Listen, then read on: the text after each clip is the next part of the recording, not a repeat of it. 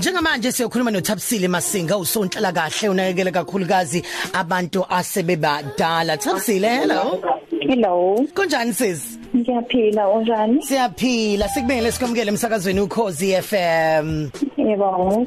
so usonhlala kahle Thabisile right Yebo. uyabanakekela futhi nabantu abaphila ngokukhubazeka Yebo, ngiyabanakekela. mm so into yakwenza ukuthi ukhethe wona lo msebenzi lo kwakuyini Um, ngingaphinde ngisithi ngingathi uma uyi-social worker akukhona kufanele ukuthi ukhethe ukuthi uzokhetha ukuthi usebenza ngabantu abanjani. Usebenza ngawo wonke umuntu owaziyo ukuthi udinga ukuthi ukwazi ukuthi umnakekele akhona ukuthi uyakhetha ukuthi usebenza nalabantu nalabantu wonke umuntu nje uyakwazi ukuthi umu-accommodate ukuthi usebenze ngayo ukuthi usebenze naye so a- akunasikhathi sokuthi awuno le category le cha cha cha, cha nje wena uyakhetha uyasebenza nje uyakhetha yebo uyasebenza nje nge-social worker, yebo. so unga- e- ezinye zeingqinamba mhlawumbe uhlangabazana nazo eh, emsebenzini ungasho ukuthi iziphi eh ukunakekela abantu abadala ngingathini mm, ziningi ingqinamba esihlangabezana nazo ezabantu abadala ngoba umuntu omdala uma ese- esekhula ufana like ingane encane ufana nje nengane encane ubuyela ekunganeni wena kufanele ube ne-understanding yokuthi lo muntu lona kufanele umtreat-e as umuntu and yena usuke ngaleso sikhathi engasayiboni ukuthi yeah usemncane Eh. u- usefana nengane usuke nisacabanga ezi usem yabona usemdala usakwazi futhi nokuzenzela izinto Yeah. wena ke wenako omnakekelayo kufanele ube nalengqondo ukuthi u- u- u- ukulesi simo yabo yize yena engayiboni ukuthi ukulesa simo lesi yami mm mm,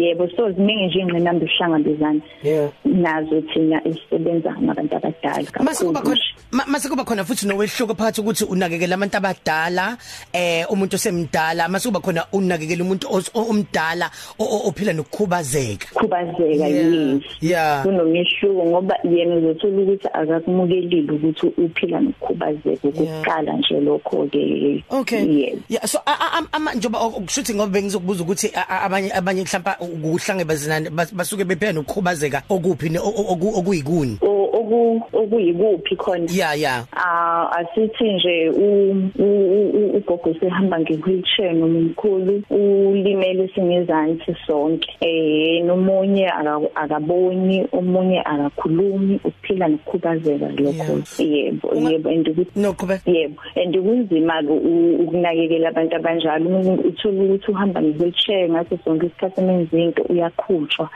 uyathathwa uyabekwa laphana ufakwa amanapukeni yonke nje leyonto Yeah. Ungathi Yeah. u- ku- kumuntu o- o- ongazange azawuqeqeshele lo msebenzi wakho wena owenzayo osel Beyonce njengazange za ahamba ngofundele eh wena umsebenzi wakho kodwa mhlawumbe uphila nomuntu mhlawumbe endlini unakekela umuntu endlini mhlawumbe ophila nakho ukukhubazeka and training azange azayithola indawo ungathini kuyena ongazange ngingasho nje ukuthi okokuqala kufanele babe nenhliziyo ngoba idinga inhliziyo lento Mm. u like uma nje uzothi wena mhlambe ufuna umsebenzi ungazi ukuthi uzohlangabezana nesimo sikanjena kade awunayo inhliziyo yokubanakekela ngeke uzokwazi ukwenza umsebenzi lo kanjena kade nasekhaya-ke futhi ngokunjalo labo-ke aba- a- abahlala nalokhuzana nabantu abaphila nokhubazeka kufanele bekwazi ukubabekezelela ikakhulukazi yebo All right, siyabonga kakhulu ngesikhathi sakho eh? sisavichize. Okay, thank you. Nazoke